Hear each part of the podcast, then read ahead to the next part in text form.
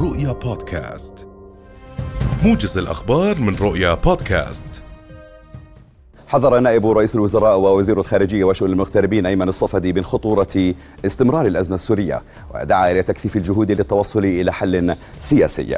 الصفدي خلال مشاركته مساء يوم أمس كضيف خاص في عشاء عمل مع وزراء خارجية حلف شمال الأطلسي الناتو في مدريد في اليوم الأول. من القمة التي خصصت لبحث قضايا الشرق الأوسط أكد أن الإرهاب ما يزال خطرا مشتركا يجب استمرار العمل المشترك للقضاء عليه وعلى ظلاميته.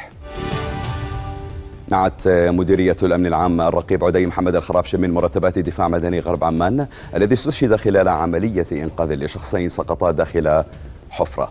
وفي التفاصيل الناطق الإعلامي باسم مديرية الأمن العام بين أن الحفرة بعمق أكثر من 30 مترا داخل منزل في محيط منطقة الدول السابع. وتم إخراج الشخصين منها إلا أنهما كانا قد فارقا الحياة. قال الناطق الإعلامي باسم مديرية الأمن العام إن فريقا تحقيقيا من إدارة البحث الجنائي ومديرية شرطة جنوب عمان ألقى القبض على شخصين قام بسلب محل صرافة يوم أمس.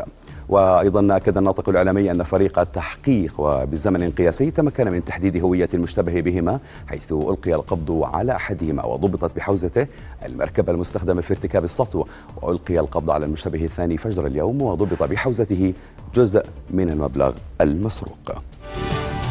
طالب نقيب أصحاب شركات التخليص ونقل البضائع. ضيف الله أبو عقولة بتمديد العمل بأمر الدفاع الحادي والثلاثين لعام 2021 حتى نهاية العام الحالي الذي يحدد الحد الأعلى لتكاليف أجور نقل البضائع المستوردة إلى المملكة وينتهي العمل به اليوم.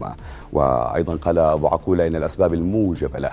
لا تزال مستمرة ويجب العمل على تمديد العمل بالأمر للحد من ارتفاع أجور الشحن العالمية ولإجراء دراسة وتقييم لأثره على الاقتصاد والحركة التجارية أو إلغاء أو إضافة أجور الشحن على القيمة الجمركية واعتبار البضائع من ميناء العقبة لتنعكس إيجابيا على قيمة السلع النهائية.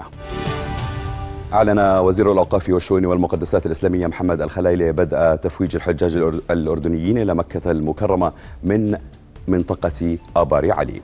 وفي التفاصيل قال الخلايلي رئيس بعثات الحج الأردنية لدى تفقده الحجاج الأردنيين في المدينة المنورة يوم أمس إن عملية التفويج ستكون بواقع رحلة كل ساعتين حتى تكتمل العملية مع ساعة العصر.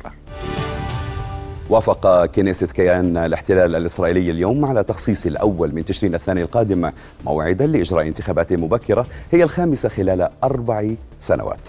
وكان رئيس وزراء الاحتلال نفتالي بنت قد أعلن اعتزاله الحياة السياسية في الوقت الحالي وعدم الترشح للانتخابات المقبلة موضحا أنه سيتولى منصب نائب رئيس الوزراء المقبل يائر لبيد وسيساعد على قيادة الحكومة بشكل مؤقت حتى إجراء الانتخابات.